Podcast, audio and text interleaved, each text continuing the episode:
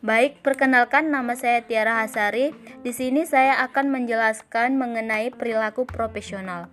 Jadi, perilaku profesional itu adalah sikap, tingkah laku dan perbuatan dalam melakukan tugas keprofesional dan dalam kehidupan sehari-hari.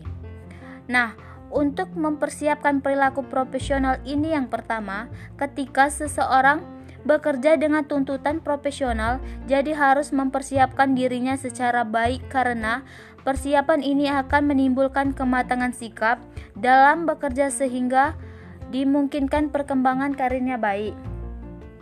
Jadi, hal-hal yang harus diperhatikan dalam perilaku profesional. Satu harus kompetensi, dua sistematis, tiga dedikasi dan integritas, 4. Mampu bekerja sama dengan tim 5. Memiliki batasan Selanjutnya, kedudukan sikap perilaku profesional itu ada tiga. Yang pertama, kepribadian. Kepribadian ini sangat penting ada dalam perilaku profesional untuk menumbuhkan sikap perilaku profesional. Yang pertama, jujur, dua adil, tiga setia, 4. Tepat janji 5. Menghormati orang lain Yang kedua Kemampuan Nah, kemampuan ini ada tiga. Satu, di bidang umum, dua, keahlian, dan tiga, bidang pendukung. Selanjutnya, kedudukan setiap perilaku profesional yang ketiga yaitu satu, kemauan.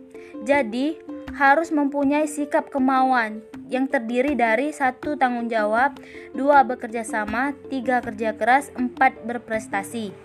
Dari ketiga kedudukan ini, tadi maka akan timbulnya sikap perilaku profesional.